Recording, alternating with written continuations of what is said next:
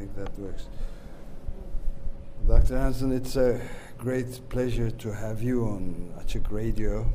We have been trying to closely follow your writings, your articles, and your activities, activism, all these years. And uh, you, my main question would be that you always uh, say that it, it, it is the it's a, a rather an ethical crisis that we uh, we are in right now, uh, because we have uh, the former generations did not know that they were ruining the planet by their way of living. But now that we know it, we have a tremendous responsibility for the next generation and the one and the unborn ones. And you put this up as a, rightly so, as a ethical problem. So could you just elaborate on that a bit? Yes, well, climate is different than many other pollution problems because we actually have done a pretty good job of addressing some problems in the past. For example, the ozone problem, the, effect of chlorofluorocarbons on stratospheric ozone, the local pollution effects, air pollution and water pollution.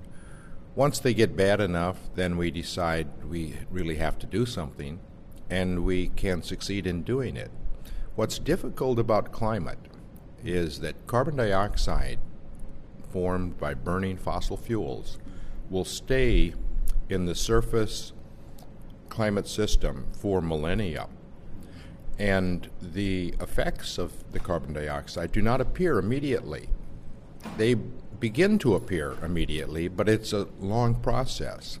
The climate system has great inertia because the ocean is four kilometers deep, the ice sheets are three kilometers thick. They don't respond quickly as we begin to apply forces to them.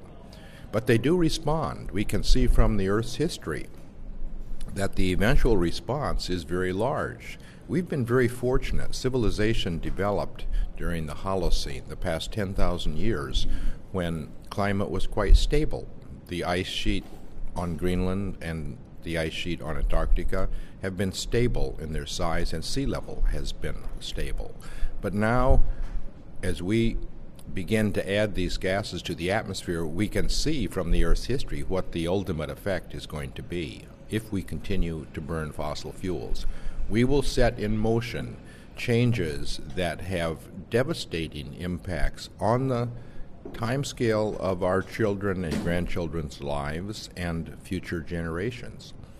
It includes extermination of many species on the planet. We know that uh, there's the danger of destroying tens of percent of the species on the planet if we continue with business as usual. And the tragedy of this situation is the fact that solution exists. We could have a better world. We could move toward clean energies more rapidly so that we preserve a planet that still allows our children and grandchildren to enjoy the wonderful uh, nature that we were uh, blessed with. But instead, what we're doing is subsidizing the development of every fossil fuel that can be found, whether it's tar sands, tar shale, mountaintop removal to get the last bit of coal. That is extremely stupid policy, but it's pushed on the world by the few people who are making a lot of money from fossil fuels. Special interests. The special interests who have tremendous power in Washington and other capitals all around the world. They have more power than the great majority of people who, in, a democ- in democracies, are supposed to be uh, determining voice, but uh, that's not the way it's working out. And the as I say, the tragedy is that we could solve the problem. All we would have to do is make fossil fuels pay for their true cost to society. If we would put a fee on fossil fuels, which gradually rises over time, because you can't suddenly replace fossil fuels with other sources of energy. It's not that easy. We have this tremendous infrastructure that's been built up. So we have to make the change gradually over time, but we have to begin urgently. If we would put a modest fee that on, fos- on fossil fuels collected from the fossil fuel companies and with 100% of the funds distributed to the public so that on a per capita basis everybody gets an equal amount, then the people who do better than average in limiting their fossil fuel use would get more money in the monthly dividend than they would pay in increased prices. And that would provide tremendous incentive for people to find ways to limit their fossil fuel use, and it would provide tremendous incentive for business people and others to make innovations to find more energy efficient technologies and carbon free technologies. And that would allow us to move to a clean energy future and do it soon enough to preserve uh, the planet that, that we have.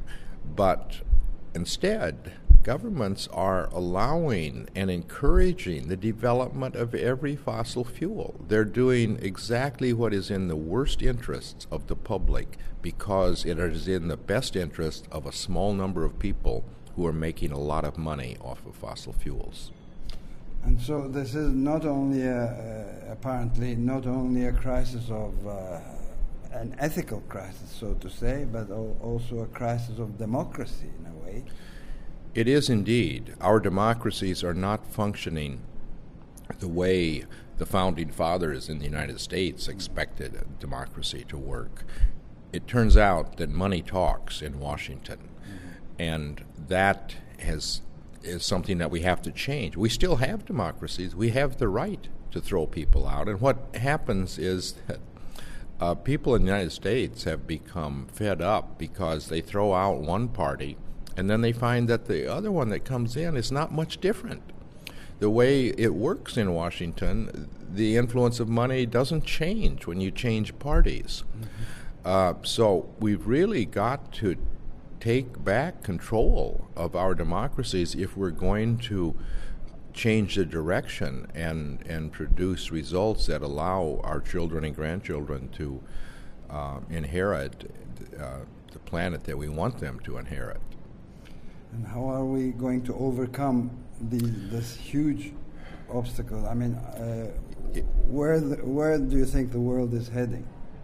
Well, you know, there are good signs. Uh, Bill McKibben's organization, 350.org, is really uh, surprisingly how rapidly its, its influence is growing. Uh, we need, there's another organization, Citizens Climate Lobby, which has taken as its principal objective the achievement of a carbon fee with 100% of the funds distributed to the public. I think that idea may catch on, and if we can uh, get the public to understand what is quite a simple concept, I think there is a good chance that we will be able to uh, phase down our fossil fuel use instead of ramping it up and looking for every dirty fuel that we can find. So that uh, perhaps we can disprove that uh, we are we are a biological anomaly, so to say, which uh, together with its own species, the, the human species is destroying the other species as well. Is this a biological aberration or something? Well, well, I think that humans have, of course, the the biggest brain. They've been able to uh, learn how to do many things and construct uh, devices which can be for both, both good and bad. Um, I think it was very inspiring to hear Jane Goodall and her learn of her experiences with uh, with animals. Uh, humans also are capable of great compassion and understanding, and we just have to uh, develop that side of our nature so that we don't misuse the potential for uh, taking over the world and being the strongest species. We don't want to destroy the, the web of life, which is so important.